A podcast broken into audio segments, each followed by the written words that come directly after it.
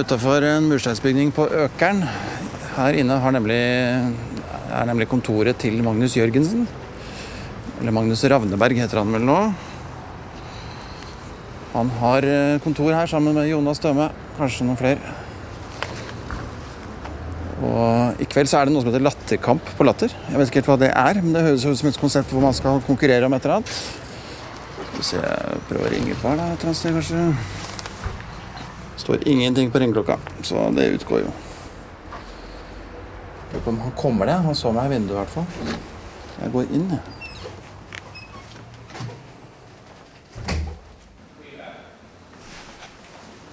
Her hører vi Magnus, vet du. Halla. Hei. Takk for det. Klem. Klem. Deg. Lisa? Du får eh, bli med inn på kontoret vårt. Ja, hvem er det som har kontor her? Du og Jonna og flere, eller? Eh, ja, det er meg. eh, Vi har egentlig to kontorer. Jeg Bjørn Henning Ødegaard, som er initiativtaker til det hele, sammen med Ole So og Dex Carrington. Og så er det da Jonna Henrik Overå Bjørnson og Vidar Hodnekvam på kontoret ved siden av. Yes. Det kontorfellesskapet? Men nå sitter da Jonas Støre sammen med Moi. Ja, vi er i gang allerede. Halla, vi er i gang. Jeg gir deg en klem, jeg. Ja, koselig. Går det bra? Absolutt. Ja. Ja, ja, ja. Magga har lagd økologisk, dobbeløkologisk kaffe til deg.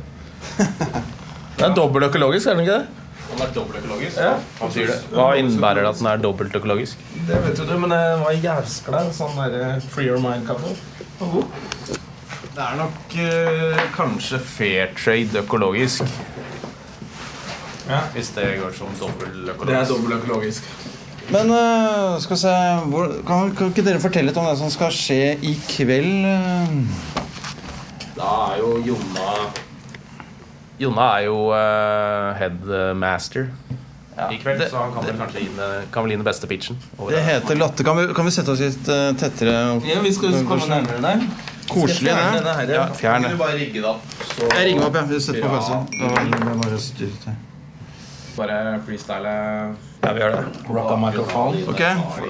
Fortell hva som skjer i kveld på, på Latterkamp. Jeg kan ikke dette med kaffe. kan. Kan ikke presskanne. Jeg glemte å presse ned. Jeg trodde dere hadde gjort det. Den er helt ny.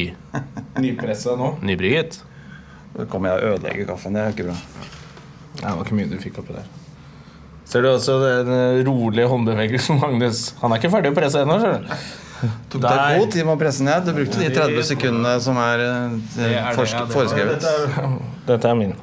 Det, er du, det som skjer i kveld, er latterkamp på Latter. Utsolgt eh, show. Som, eh, hvor komikerne egentlig i hovedsak skal egentlig bare få temaer fra publikum. Ja. Og så får de et kvarter på å skrive det. Ok. Og så skal de rett på scenen igjen. Så det er ikke sånn før hvor det har vært pause, og så får de gå på. Så nå er det lagt opp til at uh, et tema. Løp opp, skriv, og så er du på scenen uh, kvarter etterpå. Med to nye temaer. Hva skjer mens de skriver, skriver vitser, da? Da holder du showet Da holder jeg det varmt. Nei, altså, det vil jo være altså, Én får tema, én på scenen av gangen. Får tema, så løper han. Så er det nestemann opp på scenen. Og innen vi er ferdig med den runden, tror jeg, så, så tror jeg det er klart for førstemann. Det er rart å bruke et kvarter på å gi et tema til Dette er et nytt konsept, da, så vi er ikke helt eh, klare. Vi har allerede byttet om litt rekkefølge på noe improlek og noe greier her nå.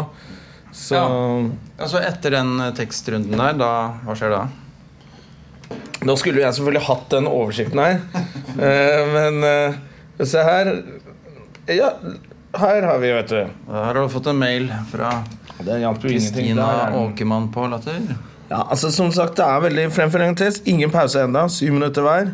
Så er det pause. Så blir det valgt ut to finalister. Jeg tror vi må endre hele denne rekkefølgen her. Ja. Her står det altså Jonna åpner, står i mailen her. Komikerne blir presentert, og én og én litt kort. Temaet blir valgt til en publikumsforslag. Jonna velger ut. Ja, Så hvis du får et forslag du ikke er fornøyd med, så kan du si få et forslag Ja, til. Ja. fuck off. Vi, vi tenker sånn sperm og bæsj. Det blir kjedelig. ja, Og så er det fremføring. Men så lo alle det. Det funker jo al- aldri. Fremføring av tekst. Ja, det var det du sa. Ingen pause gjennom maks sju minutter hver. Ja. Så er det pause. Etterpå lurer valgte valgt to finalister som skal battle med sine best of-tekster, og vinner kåres. Ja. Ja. De bør vel strengt tatt velges ut før pause. ja. Så dette er jo veldig uoversiktlig. denne årsiden Vi har hatt et møte i går, altså. Hvor Vemund Vik, som er en fyr som er ganske flink, da Så her, vet du. Regi. Latterkampen, der har du fått det. Her er den riktig, Magnus. Åpningssett med konferansier, fem minutter. Hallo, hva heter du? Er dere sammen? Og han nikker, og hun smiler. Nice. Og så er det introduksjon av komikere. Altså litt sånn spørsmål. Hva har du, hvordan har du forberedt deg? Ikke sant? Så er det jo om å gjøre å være litt artig, da. Jonna pumper opp stemning, introduserer komiker. Det Fem minutter på det, ja. ja, så jeg har allerede vært på scenen Hatt ti minutter alene her igjen nå da. Og så er det fremføring. Da kjører dere på Magnus. I maks syv minutter hver. Så det blir ca. en halvtime til sammen, ja. Og så er det pause Og så er det grip mikrofonen. Heter vi litt sånn impro-lek Hvor man kanskje, hvis man ikke har gjort så bra med teksten Så kan man få mulighet til å imponere publikum Men vi snakker nå nå Kanskje grip mikrofonen burde være før tekster Hva tenker du om det, Ingve? Du har jo vært med på For det første liker jeg jo referansen Grip mikrofonen da, til den standup-serien fra Christian Kvart i 1995. Yes. yes. Men, eh, men hva betyr det grip mikrofonen? Hva slags eh, improlek Det er jo den derre 'jeg liker å ta buss fordi' Og så fordi det er så mange innvandrere der. Og jeg er Ja. så glad i eksotiske folk. For eksempel. Den hadde vi fått latter på. det hadde du faktisk. Men, men eh, ja, ok, Så da er det førstemann til å løpe fram til mikrofonen og komme en, levere en punchline til ditt Ja. setup. Men har du skrevet de setningene, eller? Du, vi har eh, Og det kan ikke Magnus se. Nei, de er ikke her, men vi har skrevet eh, Ja. 15. Tror du det holder? Det hørtes litt lite ut. Det er litt snaut. Ja, det Ja, 20 burde man ha, kanskje. Kan du ikke ha litt mer enn det? da? Så du kan liksom du hopper, Der og da så kommer du til å tenke sånn Nei, den der hopper jeg over. Så tar jeg den. Aha. Ja, for du har vært med på mye sånt her før også. Det var lurt. Ja, men da skal vi ha litt flere Lag 30, da. Jesus Christ. Ja, men 30 er bra. Da er overskuddet alltid Ja, men da har jeg noe å gjøre fremover her nå. Å, jeg trodde det var en som het Kåre som skulle vinne. Så står det Kåre, Kåre vinner. så det er egentlig det så, så kort fortalt det er en impro en, en, en improvisert eh, aften. Hvor, eh, men hvor det kreves litt mer enn bare å være artig der og da. Det, man vet at du får kvarter på å skrive. Ja. Og jeg tror ikke publikum har, er klar over hvor vanskelig det egentlig er å skrive en tekst. En morsom vits. Men hvis jeg da kan skyte inn, så lurer jeg på Eller jeg tror også at den kvelden her kan bidra til at vi som komikere skjønner at det trenger heller ikke så, være så vanskelig å skrive en tekst. For nettopp når du får det tidspresset på deg, så må du på en måte være veldig sånn fokusert og ikke legge for mye bånd på deg sjøl. Mm. så jeg Ja. tror Ja. vi kan få den effekten av det. Da blir det jo nesten ekkelt at man skjønner hvor lett det egentlig er. da Ja, så vi, Det er en kveld for å undergrave yrket vårt. Ja, Ja, men fordi at de gangene hvor det Det tror jeg du nevnte en gang vi snakket om dette tidligere. At de gangene hvor det er sånn Komikerne har bare fått 14 dager på seg til å skrive en ny tekst. Så er det sånn, er jo ikke noe imponerende. Da burde det vært imponerende for noen. fantastisk materiale. Ja, for de har jo det på den festivalen den der, eh, Til RDK. RDK, ja. Ja. Der er det sånn, De har bare hatt 14 dager eller får liksom tema i mai, og så er festivalen i august. Så det er ikke noe imponerende for noen. Så det må være sånn rett før. Du, Hva tenker du om dette her, da? Selve kvelden. Ja, og skulle skrive Spesielt det med å skulle skrive tekster på et kvarter, liksom. Jeg syns det er kult. Jeg syns både er litt eh, skummelt, men at jeg også liker hele konseptet med det. Nettopp fordi at det er litt sånn risky business. da Ja. Men er det, er, det, er det sånn at du håper at jeg i hvert fall ikke får den type tema? Eller er det noe sånn Håper at det blir det og det Den type den, Det og det landskapet, eller noe sånt? Nei, altså Det hadde jo selvfølgelig vært digg å fått et tema som um, er som det er litt mat i, da. Hvor jeg hadde Ja. enklere å liksom få litt sånn flow av uh, ideer og liksom Enkle setups, da. Det har vært digg. Ja, og litt generelle temaer, kanskje. Sånn universelle ting. Er Ja. det lettere enn for eksempel, Det typiske tema nå ville vært Donald Trump. Ja. I motsetning til Altså, eller, imot, eller at, at, spisepinner. Ja, som er mer universelt, da. At man, det er typisk at, man kom, at publikum kommer på noe som er veldig aktuelt nå om dagen. Men som kanskje ikke er så lett å skrive noe morsomt på, på sparket. Altså, Men Det, det er, altså, Dag Sørås hadde kanskje foretrukket Donald Trump, da. Men ja. Men, eller vil man få to temaer, og så skal man skrive om de to? Du, Vi snakket om i denne løse planen her at eh, to temaer kunne vært kult. Eh, fordi det er et eller annet gøy med å introdusere da, Å, der kommer Magnus Jørgensen. Han skulle skrive om eksospotter og havrekli. Altså, Ja, det, det høres litt gøy ut den der når man sier to sånne Du får en positiv forventning bare der. Ja. Så er det lett, Da kan du sette de to temaene opp mot Og så får man litt sympati med Magnus. Og bare, å, det er ikke lett! Å, det skal jeg likt å se ja, Det er min eh, invitasjon av publikum på, på latter. Å, vi får Eh, Så jeg tror det blir to temaer. Ja.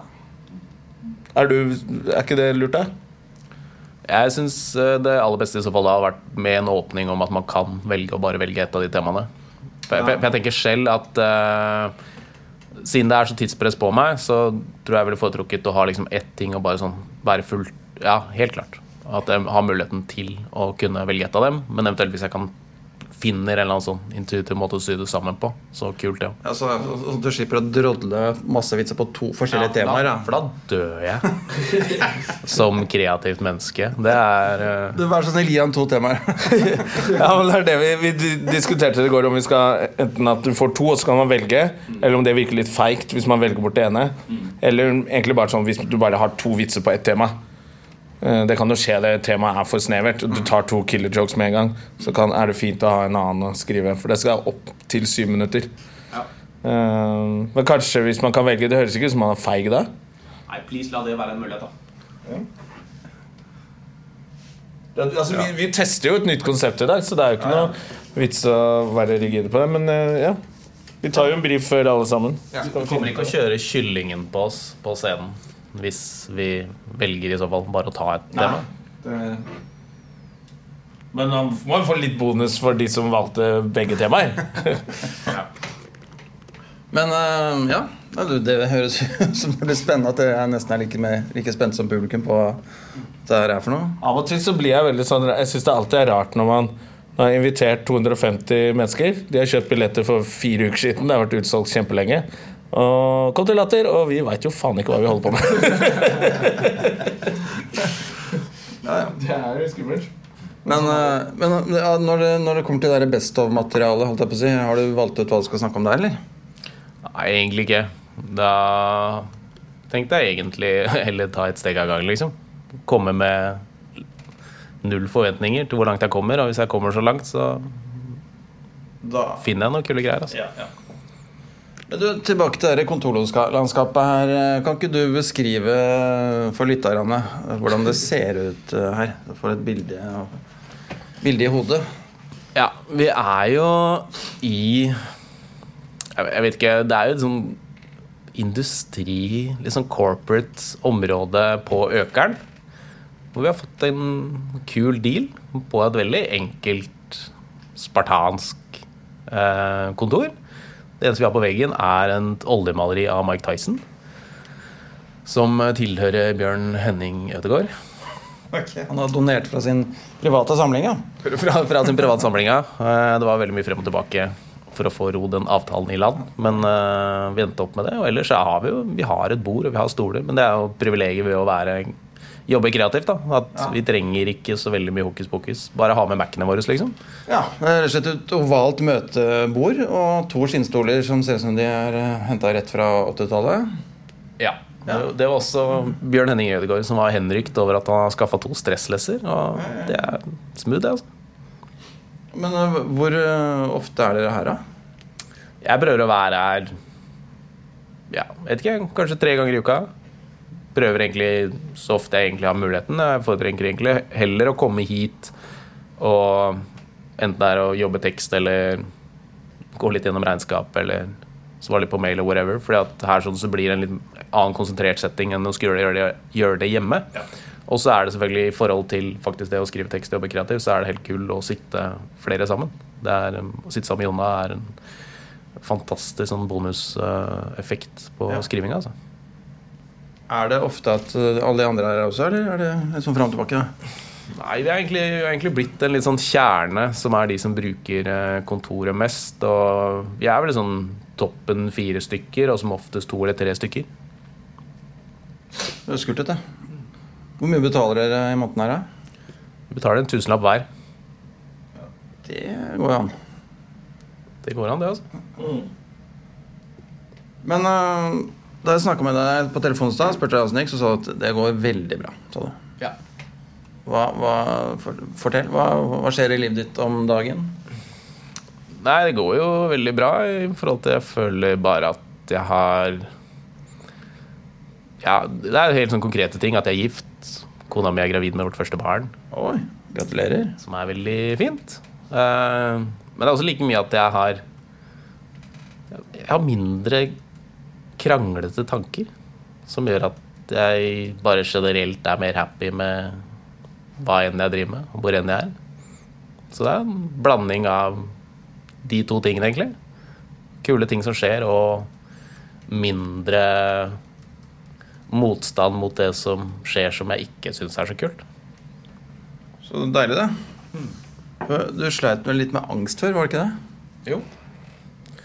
Og jeg kan jo fortsatt slite med angst, angstsymptomer. Kan, være, kan bli ganske så stressa opp mot skulle stå på scenen, selv om det egentlig det har, liksom, det har skjedd veldig sånn, stor dreining derfra. Fra at det har vært en stressende ting til at det blir, er en ting som jeg sånn, oppriktig gleder meg til. Eh, men generelt også, hvis det er, skjer ting som er sånn utenfor komfort, komfortsona mi, så kan jeg fortsatt kjenne på litt den der angstfølelsen, altså. Hvordan, hvordan, hva slags øh, type angst var det? Var det sosial angst, eller var det hva, hva var det for noe? Nei, det var jo Ja, det var jo Kalles jo sosialangst, og det var mer bare fordi at jeg hadde mye greier som jeg stressa med og ikke hadde funnet ut av. Og spesielt når jeg var i sosiale settinger sammen med andre mennesker, så ble det bare ekstra sånn akutt, da. Men hadde det noe med at du slutta med standup en periode å, å gjøre? Jeg slutta jo med Først så slutta jeg med standup en periode fordi at jeg ble sykemeldt pga. angsten. Ja. Og så kom jeg tilbake til standup. Eh, Men da hadde jeg funnet ut så mye, jeg har lært så mye i den perioden hvor jeg var borte, at jeg har funnet ut at det var en, veldig mye andre ting, eller en del andre ting som jeg ja, som jeg hadde lyst til å prøve, og an- nye ting, deler av meg selv som jeg hadde lyst til å prøve. Da. Det gjorde jo da at jeg Først var i militæret. Og så Hvor var du da igjen? Bardufoss eller noe sånt? Ja, det stemmer. Møtte jeg deg Ja. på dag da? Vi gjorde en jobb øh, der oppe. Så møtte vi deg. Da var du i Forsen, så gjorde Dag og jeg, tror jeg, en jobb der, ja. Ja, det stemmer. Jeg syns jo det er så morsomt og For eh, Dag reiv seg jo i håret over eh, hadde jo vanskelig med å forstå at jeg hadde dratt inn i førstegangstjeneste. Det husker jeg, så det er litt gøy. Men uh, uh, Men ja, jeg var oppe på Setermoen der. Litt på Skjold, litt på Setermoen. ja. I førstegangstjeneste. Og da kjørte du ikke tanks og greier? Jo, jeg kjørte, kjørte ikke ordentlig tanks-tanks. Jeg kjørte stormpanservogn, som det heter. Det gjorde jeg. Beskriv forskjellen på det. En tanks og en stormpanservogn. Eh, hva er forskjellen på det? Det er jo forskjell på, egentlig sånn forskjell på rifle og luftgevær. da. En tags er jo kjempediger og kjempekraftig, mens en stormpanservogn er jo litt mindre og, og frakter også soldater. Ja. Og da var du han som kjørte bilen, eller? Jeg var han som kjørte bilen. Det, var, det hørtes gøy ut, men det var, det var, det var ikke så gøy. Eller? Nei, det var egentlig veldig Det var spennende og fint, det, altså. Um, om det var gøy? Ja, det var kult på sin måte. Og så var du en tur innom politiet òg. Ja. Jeg utdanna Jeg tok eh, Gjennomførte Politihøgskolen etter jeg var i militæret. Ja, det, det gjør du en vits på på scenen at Der har eh, Jonna funnet frem en eh, CV90 stormpanservogn. En stormpanservogn, ja. Men, men den, eh, for meg ser det ut som en tanks, for den har kanon, som jeg vel eh, velger å kalle det, foran. Ja. Og det er jo fordi at du var presteassistent når du var i eh, førstegangstjenesten. Ja, jeg, jeg vil ikke, Hvis jeg hadde sett bilde av den der, eller sett en sånn en, så hadde jeg ikke tenkt at det er ikke en tanks det der, det er en stormpanservogn. ja. Det er, der ser du. Nå, er nå erkjenner du Ja, jeg var en ja, for en tanks er mer sånn et sånt eh, hus som kan eh, snu seg rundt på toppen der. Kanonstillingen. Ja, stormpanservogn nå. Ja, den har det, ja. Men uh, Jeg har ikke sett forskjellen. jeg Altså. syns den uh, backstage-podkasten her ble veldig mye snakk om tanks. Ja, ja, ja. Det er jo fantastisk. Ja, ja, ja. Ja, nei, det er som sagt Det er en mye større kanon på tanksen. Så hvis du sitter inni en bygning, og en, en tanks skyter på den bygningen istedenfor en stormpanservogn, så er det døvere for deg hvis det er en tanks. Ja, ok. Ja. Den klarte jeg å leve meg inn i. Kort oppsummert. ja. Jo, men du gjør en vits om det på scenen, at eh, det å begynne i politiet med sosial angst, det var kanskje ikke verdens beste idé. Er det bare en vits, eller var det noe i det? Nei, det er nok først og fremst en vits, ja. Men du, du hadde tenkt å bli i politiet og være, jobbe som det? Jeg gikk- det var i hvert fall en Jeg var nok mer overbevist om at jeg ikke skulle tilbake til standup. Men så Ja, ble det jo ikke sånn, da. Nei, det gjorde jo ikke det. Men hvorfor ville du ikke tilbake til standup, tenkte du? Ja, altså først, på det første spørsmålet du stilte, så er det jo like mye at uh, Jeg har heller tatt mer ting sånn én ting av gangen. Selv om jeg gikk Politihøgskolen, så var ikke det nødvendigvis innforstått med at da skulle jeg være politimann i 30 år. Eh, Det var mer sånn der at livet drev meg dit, og så på en måte så fikk jeg se hva som ville bli fortsettelsen på det, da. Ehm, I forhold til standup så var det litt uh, at jeg hadde en greie med at jeg syns uh, standup ble så negativt fokusert. Så jeg merker at jeg bare trengte sånn Trengte en god periode bort fra det. altså. Og det tror jeg også den perioden har vært helt nødvendig. For jeg merker at når jeg står på scenen nå, så har jeg en helt annen sånn approach. Og har en mindre sånn uh, Ja, det jeg prater om, og det jeg får publikum til å le av, er uh, Det er ikke like mye sånn fuck society som det var i gamle dager. da. Så det var nok like mye bare at jeg trengte en tur vekk for å finne ut på en måte hvordan som var den rette måten for meg å gjøre standup på. Ja, sånn. Men når du sier negativt fokus, fokusert, hva tenker du på da? Eh, jeg vet ikke.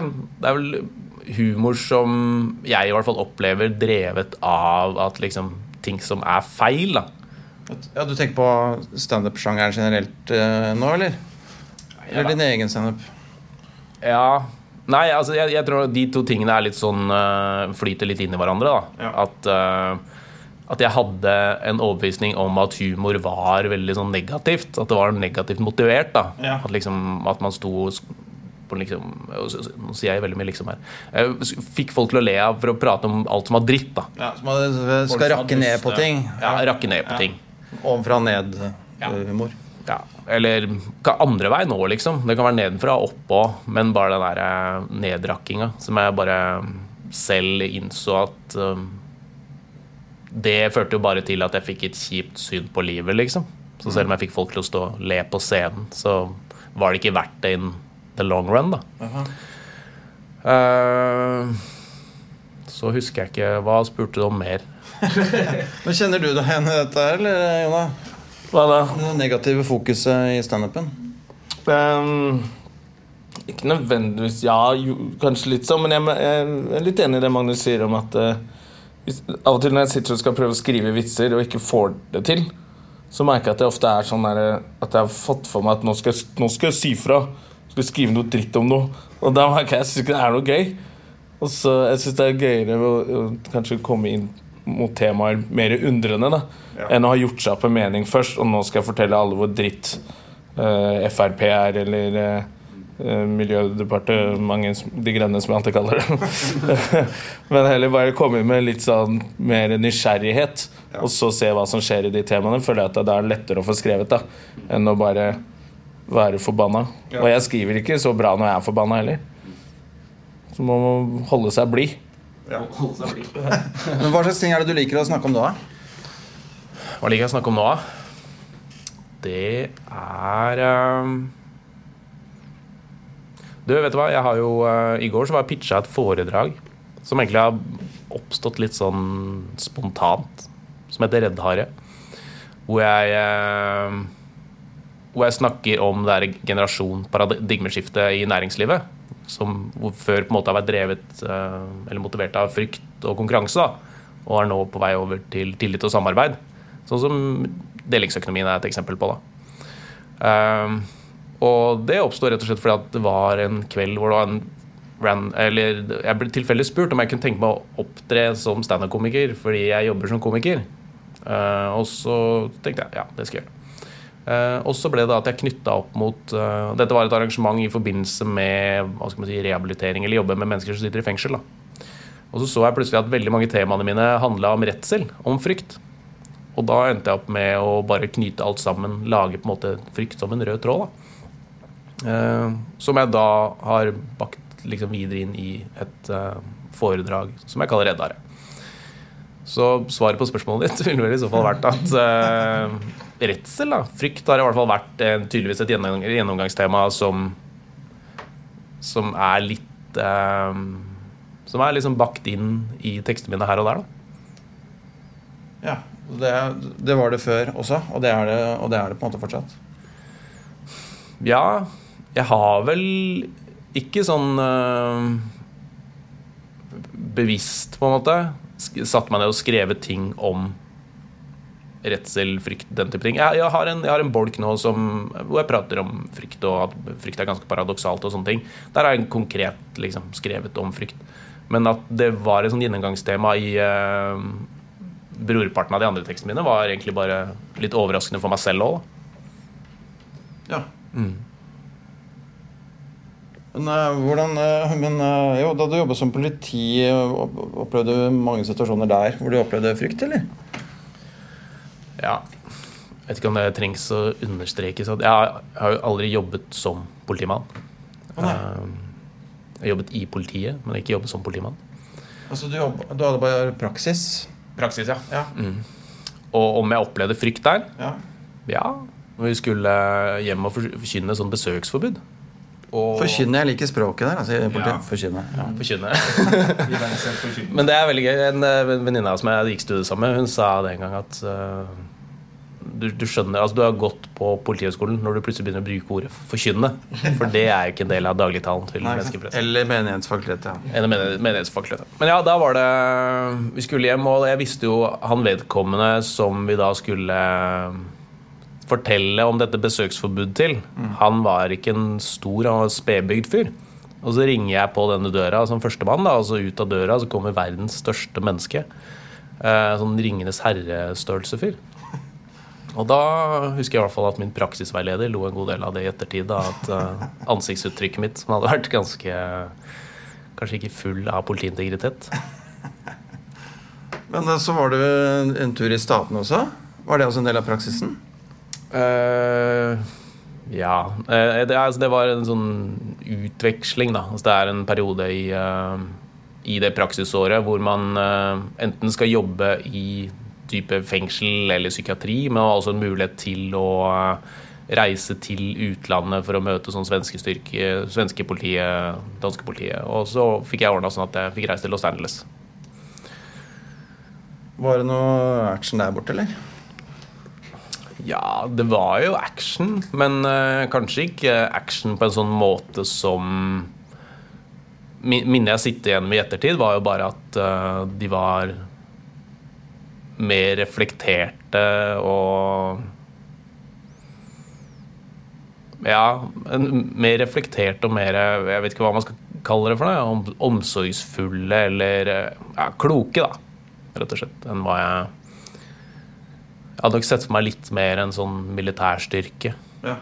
enn uh, i hvert fall de menneskene jeg møtte. da. Du har en historie på standup-scenen om noe våpen og sånn. Ja. Brukte, du, du brukte kanskje ikke våpen, men Nei, jeg brukte ikke våpen i det hele tatt. Eh, og når jeg var med sånn, på sånn ride-along som det heter, så var jeg bare med som eh, bisitter. Så jeg var var på ingen måte med og utførte politiyrket der borte. Eh, men den historien jeg forteller om, var at det skjedde en sånn drive-by-shooting. Og at vi eh, Han jeg da kjørte sammen med, fikk i oppgave å skulle prøve å finne disse folka. Eh, så da kjørte vi rundt i Compton i Los Angeles på kvelds nattestid og lette rundt i litt sånn shady nabolag. Det var spesielt når han gikk ut av bilen for å lete litt rundt omkring. Jeg kanskje ikke var så jævlig høy i hatten da. hvor mange var det igjen i bilen da? Nei, da var det bare meg. Da kjente du litt på nerver, eller? Ja, men jeg tror også året etter jeg eh, fullførte Politihøgskolen, så reiste jeg rundt i verden på egen hånd. Eh, og da opplevde jeg aldri noe kriminelt. Og jeg var egentlig aldri noe ordentlig redd. Og det tror jeg handler også litt om både at jeg har brukt huet relativt greit, men også at jeg er litt naiv. da. At jeg er på en måte kanskje ikke helt fullt klar over at det muligens er litt større risiko i øyeblikket enn hva jeg selv er klar over. da. Ja, Det kan hjelpe det å være litt godtroende hvis du går gjennom et eh, skummelt strek. Så kan man være ikke vite hvor skummelt det er der, da. Ja, det husker jeg også at jeg eh, Når jeg var på dette politiakademiet i USA, så bodde jeg jo på et motell. Og da fikk jeg vite at eh, det var et sånt sted hvor de drev og deala narkotika og sånn. Det hadde ikke jeg en anelse om. Jeg bare kula han altså på TV. Men uh, fikk jo bytta til et annet sted etter at denne informasjonen kom meg for øre. da Nemlig, nemlig. Jeg husker jeg var på ferie i Thailand en gang, og så var det noen som røyka noe hasj. Ikke jeg, da, men så, så, så meldte jeg meg ut av den settingen. Så sa jeg jeg kan ikke være med på det fordi jeg jobber i narkotikapolitiet i Norge. Så det var bare en spøk fra min side. Men litt seinere på et diskotek så kom det en sånn fyr som var kanskje på størrelse med han fyren du møtte den gangen. Ja. Veldig svær fyr og utrolig store muskler. Så kom han og la skulderen den hånda oppå skulderen min. De holdt meg liksom nede. Han var liksom fire meter høy omtrent. Og så sa han 'Stemmer at du jobber i narkotikapolitiet?' det er bare spøk. Ikke ta det på den måten. Du, eh, ta en kjapp pause. Gjør det. Du har hørt rykter om at uh, du lager din egen uh, tannkrem. Stemmer det, eller? Sorry. Hørte rykter fra Jonna her. Jonna som er plapra. Uh, Det skal jo sies at jeg aldri har lagd min egen tannkrem. Men uh, at min kone har lagd vår egen tannkrem. Og at jeg støtter henne fullt i det. Er det vanskelig å lage sin egen tannkrem? Du, det er kjempeenkelt, altså. Du trenger bare å bestille en del råvarer fra Kina. Og så Nei, du trenger ikke det. Du kan lage deg kokosmelk, kokosfett og natron, tror jeg. Ikke noen fluor? Ikke noe, ikke noe fluor. Ja, men hva, hva er greia med det? Med å lage egen tannkrem? Nei, Det er vel mest fordi uh, vi har uh, interessert oss litt for denne zero waste-bevegelsen. Som handler om å leve egentlig uten, men med så lite avfall som mulig. da. Og inkludert i det, eller på en måte en effekt av det, er jo at man skal klare seg med på en måte så få sånne grunnprodukter som mulig. da. Istedenfor å ha på en måte tre forskjellige balsamflasker og sånn, så er det ja, hva er det vi har funnet ut da? Bakepulver og natron kan brukes til det aller meste. liksom. Alt fra å vaske stua til å lage tannpasta. Lager du balsam også? Nei, Nei, men eh, min kone Hva er det hun bruker av? Bruker hun bakepulver og eplesidereddik for å vaske håret? yes. Jeg har aldri hørt om før. Nei, ikke sant? Nei.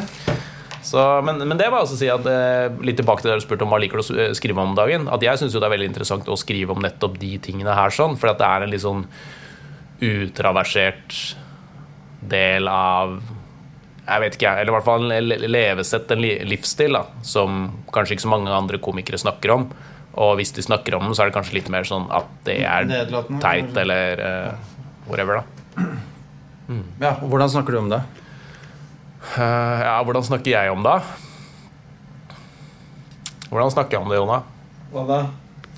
Snakker du om Når jeg snakker om litt ja, Når jeg snakker om litt det der med Tinder og jeg har tatt navnet til Rebekka og Hvordan opplever du at jeg jeg, jeg jeg vet ikke, jeg har vel klart å finne på en måte en eller annen måte å gjøre det morsomt på at jeg gjør de tingene som kanskje en del andre komikere snakker ned om, da. Ja, Du nevner annet at du har tatt navnet til eh, kona di. Ja. Eller heter du Magnus Hva, he, hva, er- hva er ditt fulle navn? holdt jeg på å si nå? Mitt fulle navn er, er Magnus Ravneberg. Ja, Ikke Jørgensen. Nei. Det står det på siden til Islam Norge, tror jeg. Magnus Ravneberg Jørgensen. Magnus Ravneberg Jørgensen. Ja, nei, det, og det vet jeg. Det, det var fordi at uh, i den perioden var skifta navn. Um, sånn at det ikke skulle bli for uh, uforståelig for publiken. Men det er jo et litt uvanlig valg, og hvorfor gjorde du det valget? Um, det var jo fordi at det var et krav fra hennes side. Nei, det var ikke det. Eh, nei, det var flere grunner til det. En, en av grunnene var at uh, jeg har vært på noen sånne der, uh, parmiddager hvor uh, jeg syns kompisen min har vært litt teit å prate om at det er tradisjon, og det bare skulle mangle at kona tar deres navn. som jeg syns er litt teit. Og så har jo navnet hennes, da, Ravneberg, er jo Det er unikt. Det er veldig få som heter egentlig. Magnus Jørgensen er det flere på dusinet av. Og så syns jeg også det var en fin greie, for jeg har brukt veldig mye tid de siste årene på å kvitte meg litt med den jeg trodde jeg var. Så da fungerte det også som et veldig fint skifte til ja, å bli mer den jeg føler at er ekte Magnus, da. Ok, Men hvem, hvem var det du trodde at du var, og hvem er den ekte eh, versjonen? Uh, det er jo Da kommer det til å bli litt sånn lang pause. For da må jeg tenke og formulere. Jeg var, altså, det, veldig hovedforskjellen er jo at jeg, var, jeg har gått fra å være ytre til indre styrt. Da. Det er nok hovedforskjellen. Fortell. Nei, at istedenfor å prøve å fitte inn Fitte inn i, det har vært digg bilde. Passe inn i. Hei, hei! Nei, Istedenfor å skulle passe inn i en rolle som jeg følte at var eh, På en måte ønsket eller likt av menneskene rundt meg. Og da, når du sier mennesker rundt deg, hvem snakker du om da? Nei, Det er jo alt fra venner til familie til kolleger til whatever. De hadde en oppfatning av deg som de ønsket å få bekreftet, eller? Kan jo, det er nok like mye at jeg hadde en oppfatning av at de hadde en oppfatning. på en måte At de, eh, Det er i hvert fall erfaringen jeg har nå. At etter hvert som jeg på en måte har funnet mer min greie og blitt mer indrestyrt, så applauderer jo de det. Og de som ikke applauderer de, de tenker jeg litt sånn Ok, men da får vi bare gå litt hvert i vårt, da. Ja, Så hvordan, hvordan var det før, og hvordan er det nå? Før var det slitsomt, og nå er jeg happy. Ja. Men du, du føler at du har forandra deg litt som person også, eller er det bare i, i, på et indre plan? Kan man merke forskjell på hvordan du er Altså Hvis du møter igjen en person du kjente før, hvordan vil personen oppleve deg nå kontra da? Jona har jo kjent meg veldig lenge. Jona kjente meg jo selv når jeg var ganske oppi angsten. Blant annet jeg trente jo flere økter daglig bare for å på en måte cope litt med angsten. Altså, Jonna har kjent meg egentlig gjennom alle disse årene. Så jeg vet ikke hva du sier. Jeg, hvordan du opplever at jeg har forandra meg?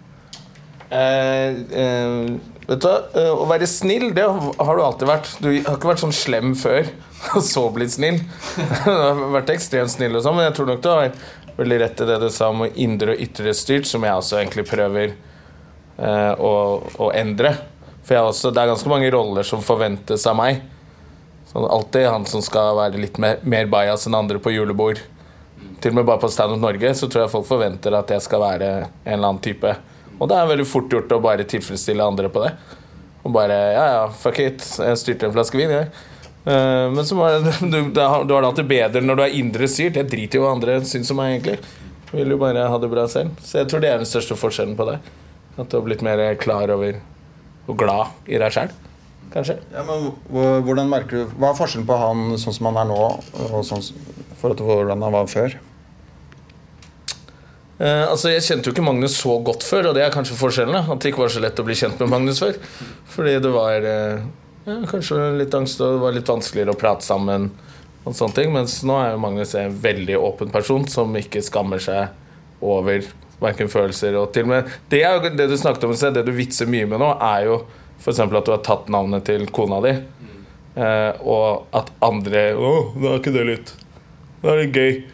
At folk, menn liksom syns det er feigt og sånne ting. Det er, jeg føler at det er det du vitser med nå. Hvordan andre reagerer på folk med egentlig selvtillit. da Og som bare gjør valgene sine og lever med det. Mens du ville jo ikke gjort det før da du var ytrestyrt, kanskje. Men hvordan kom, denne hvordan kom du frem til at du ville endre på ting? Eller hvordan, ja, hvordan startet det? Nei, det har jo egentlig bare vært drevet av at jeg har Ting har vært stressende for meg, da. Så det har på en måte vært en helt sånn naturlig nødvendighet, på en måte, å eh, finne ut Ja, finne ut den derre Finne måter og finne innsikt som, gjør, som har gjort meg i stand til å snu den der fra ytre til indre styrt. Eh, Driver du med, driver du med yoga og sånn, eller? Ja, jeg driver med yoga. Du driver med yoga, Eller var det rart formulert, kanskje? Hvordan ville du sagt det? Nei, nei, nei jeg, altså, jeg driver med yoga. Jeg trener yoga. Det er det som er hoved... Det er det jeg driver med sånn treningsmessig om dagen. Og kona mi er yogainstruktør. Ja. Så jeg har blitt litt motivert, påvirket derfra. ja. Hvilken type yoga er dette? Du, jeg driver mest med sånn badstueyoga på sats, jeg.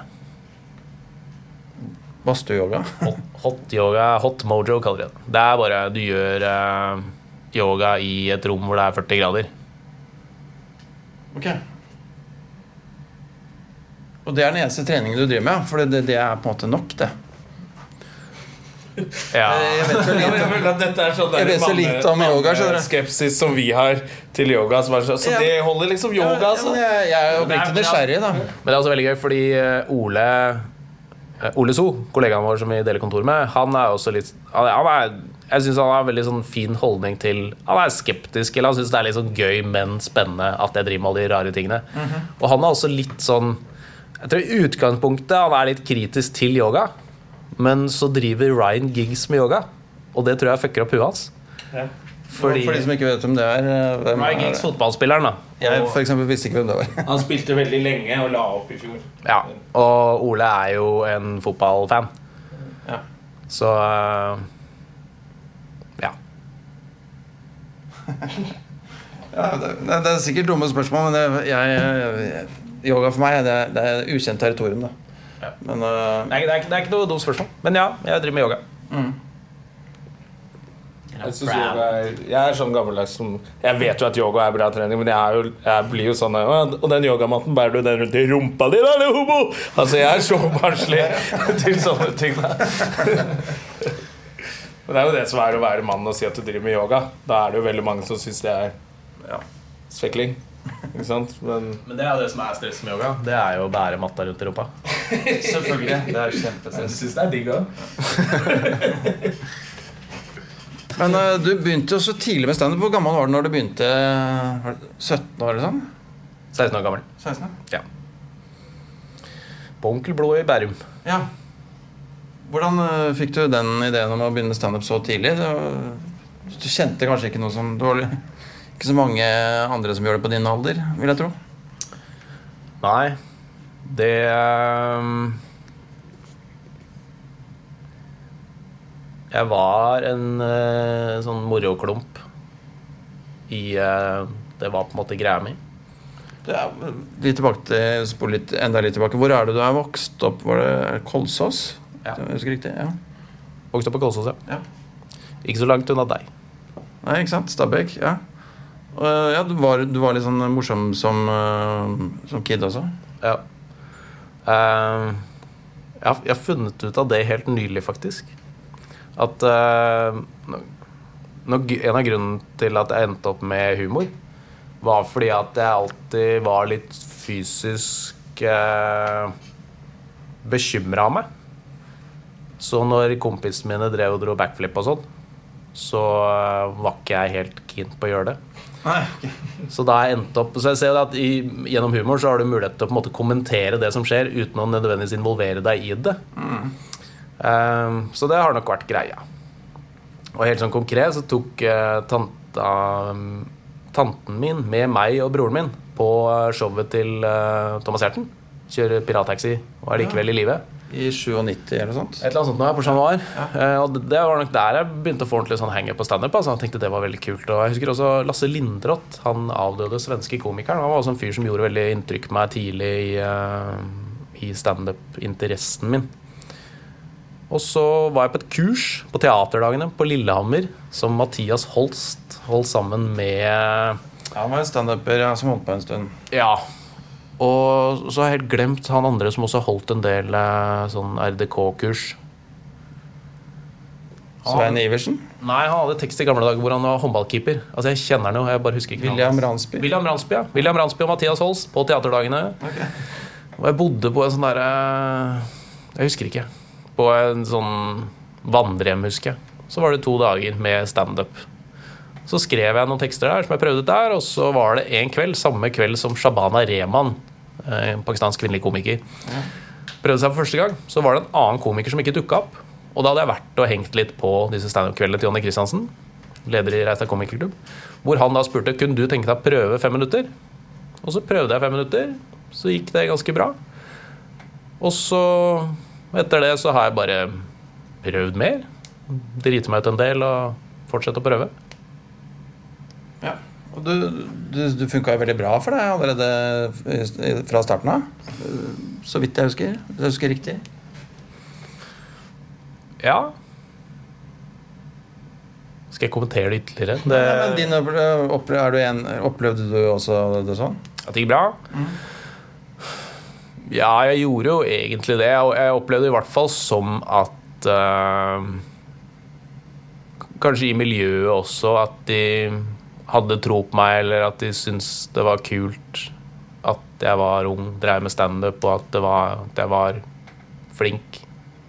Talentfull. Ja, og så syns jeg man syns det var gøy at det var en såpass ung fyr som var såpass tøff i trynet, liksom.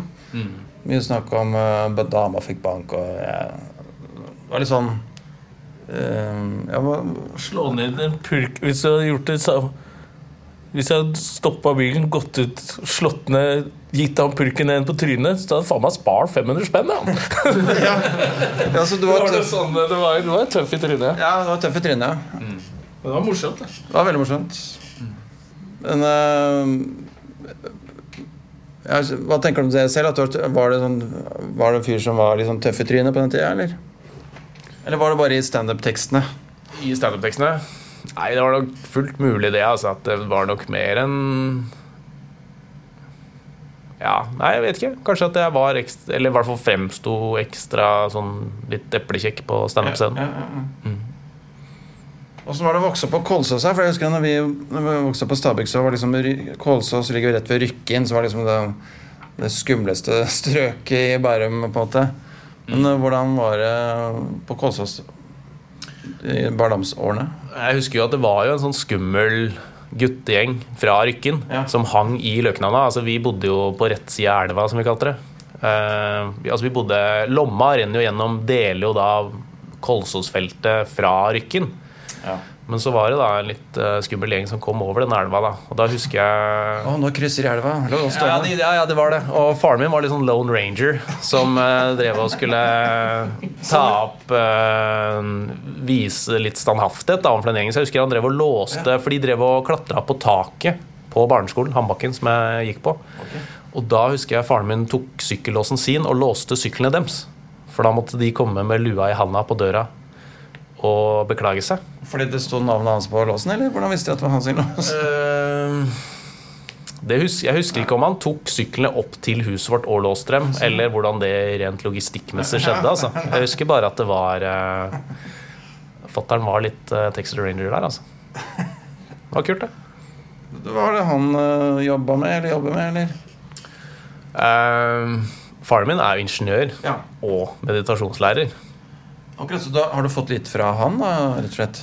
Er nok helt klart uh, at på en måte det her med meditasjon og spirituelle har alltid vært på en måte en del av livet mitt, eller i hvert fall alltid vært noe som jeg har visst om, da. På grunn av pappas interesse. Hvilket forhold har du til faren din, da? Veldig dårlig. Nei, jeg har ikke det. Uh, nei, jeg har et kjempefint forhold til pappa. Og uh, ja. Det er jo akkurat det samme, det. Jo mer jeg tryggere jeg står i meg sjøl, så har det også vært mye enklere og kulere å relatere til familie og foreldre. Ja, Moren din, da? Samme der. Egentlig er det samme. Hun er utdanna barnevernspedagog. Jobber med Tror hun jobber med psykisk sykdom hos flyktninger. Ja. Unge flyktninger. Og så har du, har du en bror, eller har du flere søsken? Jeg har en ordentlig bror, og så har jeg eh, Kan jeg si en ting jeg kom på nå? Som er en sånn halvveis standup-tekst som jeg også jobber med. Men som også er sånn ting jeg har realisert selv. Og det er at eh, uansett hva problemet ditt er For det oppsto jo Det var noen folk som prata om at eh, de ikke klarte å slutte å røyke. Eh, og lurte på hvorfor det var. Og det jeg selv har forstått ut av det, er at det er ikke røykinga som er problemet ditt. Det er mer et symptom enn en årsak. da Så Hvis du prøver å battle røykinga, så vil du bare bli frustrert liksom ved at du ikke går. Og det jeg selv har innsett, i hvert fall den prosenten jeg har vært i selv, er at uansett hva du sliter med, og uansett hva du oppsøker av retreats og terapi, så vil du ende opp med det samme resultatet. Og det er at du må gi faren din en klem. det var kanskje en lang vei å gå for å forklare akkurat det der. Men øh, Jo, om søskena. Jeg har en eldre bror, og så har jeg øh, tre halvbrødre. Ja. Som er en del yngre enn meg. Så det betyr at eh, på et eller annet tidspunkt har noen ski- skilt lag, da, antageligvis. Ja, det stemmer. Eh, foreldrene mine er skilte. Eller bare vært jævla sporty, var det jeg tenkte. Ja, når ble de skilte? Eh, det var jo når eh, jeg var seks år gammel. Ok. Så var back in the days. Og hvordan eh, var det at de skilte seg? Det var jo superdritt, det, da. Jo mer jeg har lært av meg selv, jo mer jeg har innsett at det har vært en sånn skjellsettende opplevelse som har impacta meg, impacta meg gjennom hele livet. Fikk du da en ste... steforelder? Ja. Faren min er gift Eller to? Jeg vet ikke. Nei, faren min er gift på nytt, ja. Med en eh, Med Kari. Som da er min stemor. Hva slags forhold har dere hatt? da? Nei, vi har hatt et fint forhold. Har et fint forhold. Ja. Så I noen tilfeller så, er det jo, så hjelper det nesten ikke hvor eh, snill og velmenende den stemoren er, for den får likevel rollen som fremmedelement, da. Ja. Og det er jo en sånn der sjongleringsoppgave nå. Sånn jeg har en annen kompis også, som han Hvordan er det? Jeg lurer på om han har en sønn fra før, og hun har vel to barn fra før, og så nå har de da fått et felles barn. Så det er altså en sånn relasjonsmessig sjonglering som jeg skjønner er krevende, altså. Men vi må tilbake til skrivingen. For du er jo, så, du er jo kjent i standup-miljøet for å være veldig god på å skrive tekster. Du har skrevet for mange komikere òg, ikke sant? Ja, Ja, ja. det stemmer. ja og er god, det du er god på, er det du er kjent for å være god på, er jo korte vitser med tydelige poenger. Som er- i tillegg er veldig morsomme. Da. Så, men hvordan eh, jobber du egentlig når du har en idé og jobber den fram til en sånn kort, veldig tydelig vits? da? Jeg husker jo på dette kurset som jeg var på i 97, eller når det var, da, så det var En av de første tingene jeg lærte, var at hvis du kan gjøre teksten dobbelt så kort, så blir den dobbelt så bra. Så det er en sånn ting som jeg tror egentlig bare har lagra seg ganske sånn ubevisst. Og vært en greie for meg hele veien. Eh, For min egen del så har det egentlig blitt en litt sånn hemsko også. For at jeg, uansett hvor mye jeg har produsert, så har jeg aldri kommet over 15 minutter, liksom. Fordi eh, Så eh, Og hvordan jeg konkret jobber, ja, åssen gjør jeg det? Veldig mange av disse poengene er ting som egentlig enten poenger eller ideer som bare ramler inn i hodet mitt, og som jeg bare får notert ned på et eller annet vis. Og så har jeg en økt gjerne med Jonna, Vidar, eh, noen av de andre som jeg liker å jobbe sammen med. Eh, fordi at når jeg da forteller de om mine ideer og mine setups, så har de ofte andre innfallsvinkler enn jeg har, som bare gjør teksten enda bedre. da. Eh, så det er vel egentlig litt sånn go to arbeidsmåten min, i hvert fall. Hvilke komikere er det du selv liker å se på? Du, det tenkte jeg på når jeg gikk hit. Louis C.K. er min Er nok min favorittkomiker. Og hvis jeg skulle trukket frem to norske komikere som er og pirker oppi der, så vil jeg si at det er de to fra Bergen. Jan Tore Kristiansen og Kristoffer Schjelderup, altså. Jan Tore Kristoffersen. Kristoffersen, ja. JTK. JTK, ja. Eh, De, eh, de så, jeg så begge de, de to på Latter i sommer, og jeg syns de var helt fantastiske. altså. Kristoffer er jo litt sånn eh, sint mann-aktig. Mm. Jan Tore har jeg nesten ikke sett. Hvordan, hva slags stil Hvordan vil du beskrive han på scenen? Eh, Jeg, jeg vil jo si at de, de er litt av samme kaliber. på en måte At de er, de er sinte, men samtidig så har de Jeg opplever i hvert fall at de har på en måte en sånn varme og sjarme bak. da Som gjør at jeg opplever det ikke som en sånn drittslenging på et eller annet vis. Eh, Med bare sånn to karer som står og ventilerer frustrasjon i eget liv. da Som jeg, jeg, jeg syns er jævlig funny. Hva syns du, Jonne? Ja, jeg er helt enig. Det er, eh, det er gode poenger som er som de tak ting de takler dårlig i livet sitt. Da, som de bare ventilerer ut. Men det er ikke den der, det er ikke den der at de vet bedre, som ofte blir sånn sinna folk. At de liksom vet bedre, og alle vi i salen er idioter fordi vi liker dette her. Men de er mer sånn, de står i det, de takler det dårlig, og så får du høre om det. Det er jævla morsomt.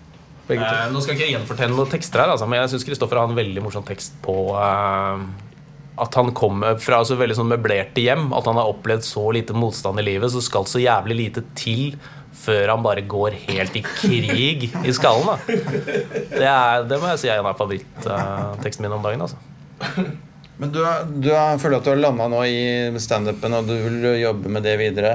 Eh, skriving og standup? Ja. Kanskje Det, det, det var helt klart det valget jeg tok nå, når jeg bestemte meg for Ja, faen, det er standup jeg driver med med. er helt klart at jeg ønsker å bruke mer tid på meg selv, da, på eget materiale, og stå så mye på scenen selv som mulig. Men øh, gjør du dette på heltid nå, eller humorting? Ja. Ja. Gjør det på heltid. Standup og øh, skriving også, eller? Ja, jeg gjør også noe tekstarbeid. Hva slags ting er det? Hva slags ting er det? Altså Helt konkret så har jeg vært med og bidratt øh, noe på det siste showet til Dagfinn. Supersmooth. Ehm, og ellers så er det jo Men altså, nå har det blitt litt sånn annerledes at uh, siden vi sitter på kontoret Sånn som jeg skriver gjerne med tekster med for og med Jonna, f.eks. Uh, Dex er også en fyr som jeg både liker å skrive med, og som jeg liker stilen til. Um, og så er det, det er et par andre ting jeg er involvert i òg, men der har de vel ikke gått ut med noe plakat og sånne ting ennå, så da får det bli en hemmelighet. Ja, når du sier skrive for deg selv, har du noen planer om å skrive noe showting selv òg, eller? Jeg kunne tenke meg å gjøre én kveld neste år.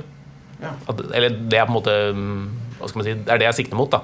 Bare for å ha, for å ha liksom en sånn konkret ting. Sette sammen en kveld hvor det er bare jeg som står på scenen. Bare for å pumpe opp materiale til det, men også bare for å prøve kjenne litt på den, da. Å stå et så lengre strekk og bare være meg.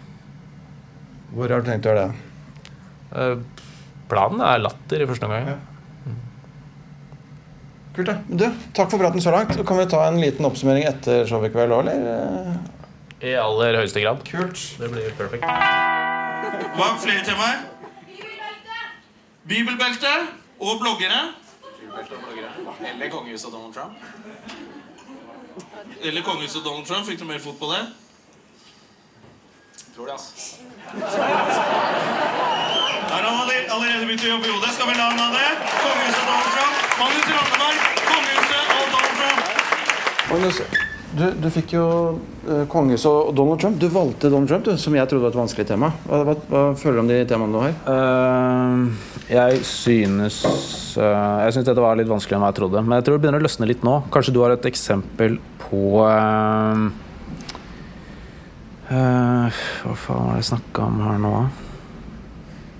Du har jeg- jeg tror- skrevet masse notater på et par ark her. Jeg tror, jeg tror det begynner å lønne seg litt nå. Det er, henger litt igjen på den der med, Donald Trump. Jo, det beste hadde vært eh, at han innfører sånne gamle ting som ikke var suksesser. Sånn som at han skal bygge en mur, som er en sånn jævlig sånn gammel uh, måte å ta det på. Type Berlinmuren, liksom, som ikke funka. Type Berlinmuren, altså, det hadde vært kult med et eller annet tema at han skal innføre en eller annen sånn type is eller pizza eller et eller annet sånn, sånn matprodukt som ble en fiasko. Har du et eksempel på det? Ja. Matprodukt som ble en fiasko. Sånn der eh, rusmelk eller et eller annet eh, rusis var det, men det er jo ikke morsomt nok. ikke sant? Det var en sånn brus med noe rusgreier før. Ikke, ikke, ikke rusbrus, men det var noe sånn derre vin Saftgreier med alkohol. Jeg tror, kan ikke du bare gå ned, ned med meg i trappene? Jo. Det er så bra hvordan man bare blir en litt mindre raus øh, fyr av å være under press, altså. Hvordan da mindre raus at du ikke bidro på dronning med de andre, liksom? Nei, egentlig mer bare at uh, her og nå så klarer jeg ikke helt å bry meg om uh, hvorvidt Yngve Skomsvold har det bra. Det trenger du ikke tenke på nå. Fordi jeg vil jo at du skal ha det fint. Ja, for jeg tenkte litt på at du ikke midt i dronningen fire minutter før du skal på scenen spurte om at du ikke spurte om jeg har det bra. Men har du det bra? Absolutt. Jeg har nettopp gitt ut bok. Ja, det stemmer det. Blir den gøy? Jeg håper det. Jeg hadde boklansering hvor det var masse latter under opplesning i hvert fall. Så noe av det er eh, nok sannsynligvis morsomt, da. Det tegner bra. det tegner bra. Nå må jeg bare En annen sånn politisk ting som har vært skikkelig ræl. Jeg får bare la det ligge, altså.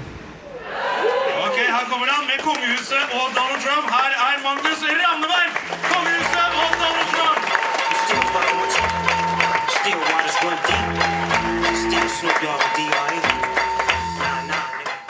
Ja! Um, og så tenker jeg at det må være veldig kjipt da endelig blitt konge. Og Folk misbruker veldig det kongeuttrykket. For konge er liksom du går med krone og septer og kanskje ikke så mye av det nå lenger. Men uh, det er liksom litt sånn høythengende. Og så sier folk allikevel sånn der Faen, ass, det er åpen bar. Det er konge, ass.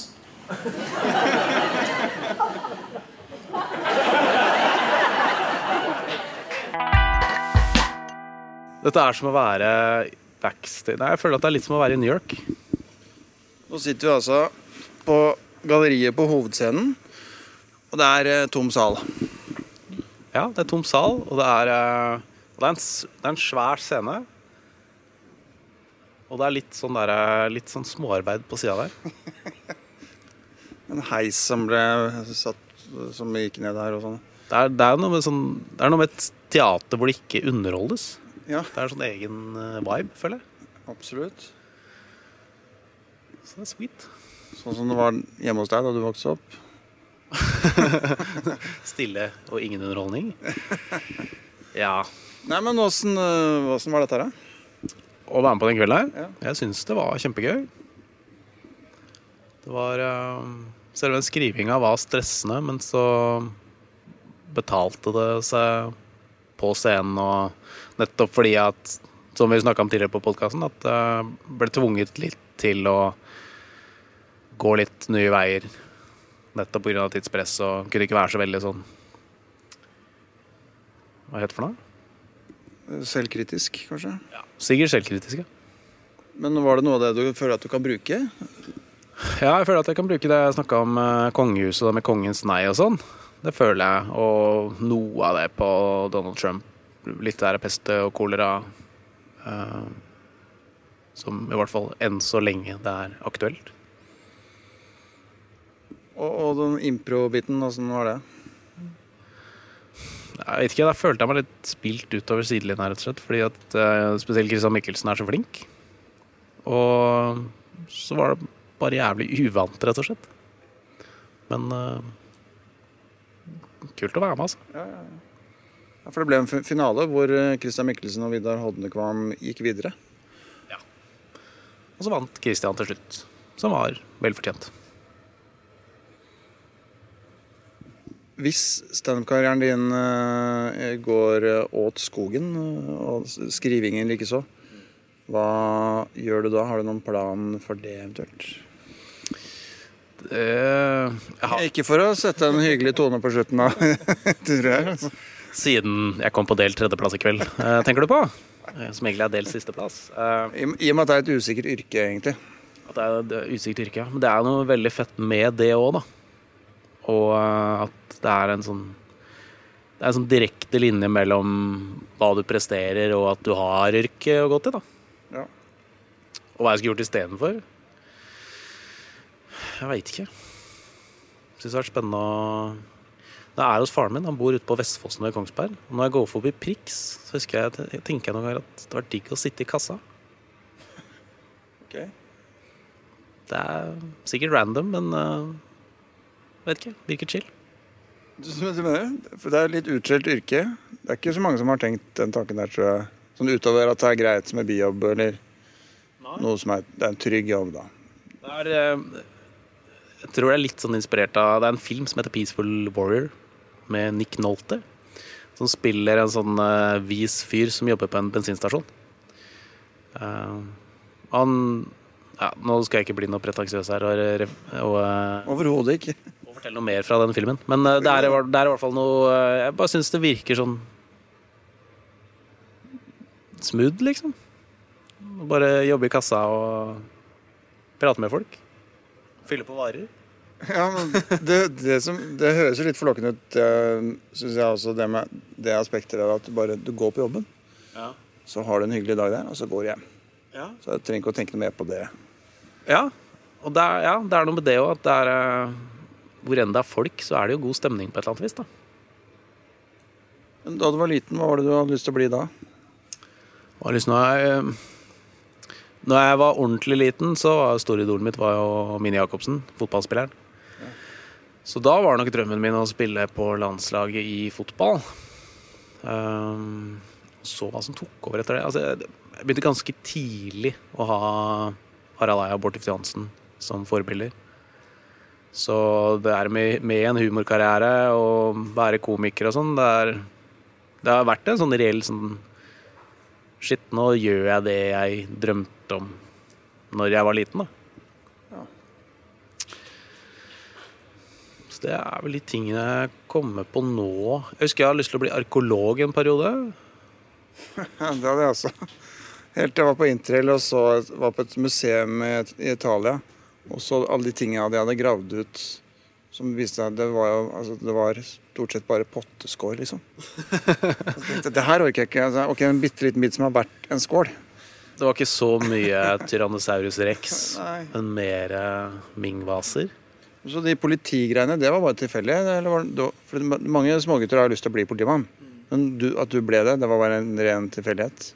Eller hva? Jeg tror nok muligens at det, at det med politiyrket har ligget litt sånn latent i bakhodet mitt, uten at det har vært veldig sånn uttrykt bevisst for meg sjøl at det er noe jeg kunne tenke meg å bli. Eh, og jeg kan ikke huske fra, fra barndommen at jeg var en sånn fyr som ville bli politimann når jeg skulle bli stor. Hva var det som gjorde at du tok beslutningen om å søke på Politiskolen? For det, kreves jo litt for å komme inn der også. Ja, det er, det er et veldig godt spørsmål. Så her på stående fot så husker jeg ikke. Jeg, det jeg vet, er at uh, en kamerat av meg, Thomas, som uh, selv er politimann, han, han bodde jeg sammen med en periode, og han, han inspirerte meg mye til nok, Ja, jeg tror nok det var mye der som den derre direkte Ja, jeg søker studiet kom fra. Men eh, tenker du at eh, du kan gå tilbake til det eventuelt en gang? Ja, i hvert fall at jeg, jeg, jeg har absolutt Eller holder den muligheten åpen, da. Mer som bare en sånn derre selverkjennelse av at jeg vet aldri helt hvordan livet ender opp, da. Og jeg veit at nå har jeg den utdannelsen. Jeg, også, jeg vet også at jeg var flink på en del av politiyrket. Um, Hva var du flink på? Jeg var jo flink på dette med alt som egentlig går på kommunikasjon, da. Så øh, jeg fikk god tilbakemelding på avhør. Og jeg skrev jo bacheloroppgave om forhandling, altså kriseintervensjon med suicidale, som jeg syntes var interessant. Og hvis du først har vært politimann alt det på å si en gang, så kan du alltid jobbe som det? Eller må du fornye lisensen din? alt det på å si? Nei, Det er noen sånne sertifiseringer og sånn, det kommer helt an på hva du skal jobbe med i politiet. Men når du har politiutdannelsen, eh, bachelorgraden, så kan du i utgangspunktet jobbe som politi senere. Du har ikke tenkt på å gjøre som Jonas Bergland og lage et show som handler om yrket ditt? Ja, jeg, jeg tror nok eh, når jeg skriver mot en kveld, så kommer det med politi og politiyrket til å bli en helt naturlig del av det. Men uh, hovedforskjellen mellom meg og Jonas er jo at Jonas jobber jo fortsatt som lege.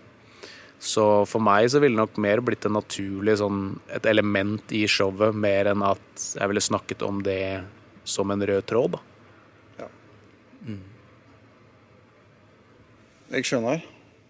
Takk for praten. Det har vært veldig hyggelig. Nå skal du få lov til å gå. Klokka er jo kvart over elleve snart. I like måte. Du skal få gå selv. Det har vært uh, det har god stemning. Gleder meg til å høre åssen dette blir til slutt.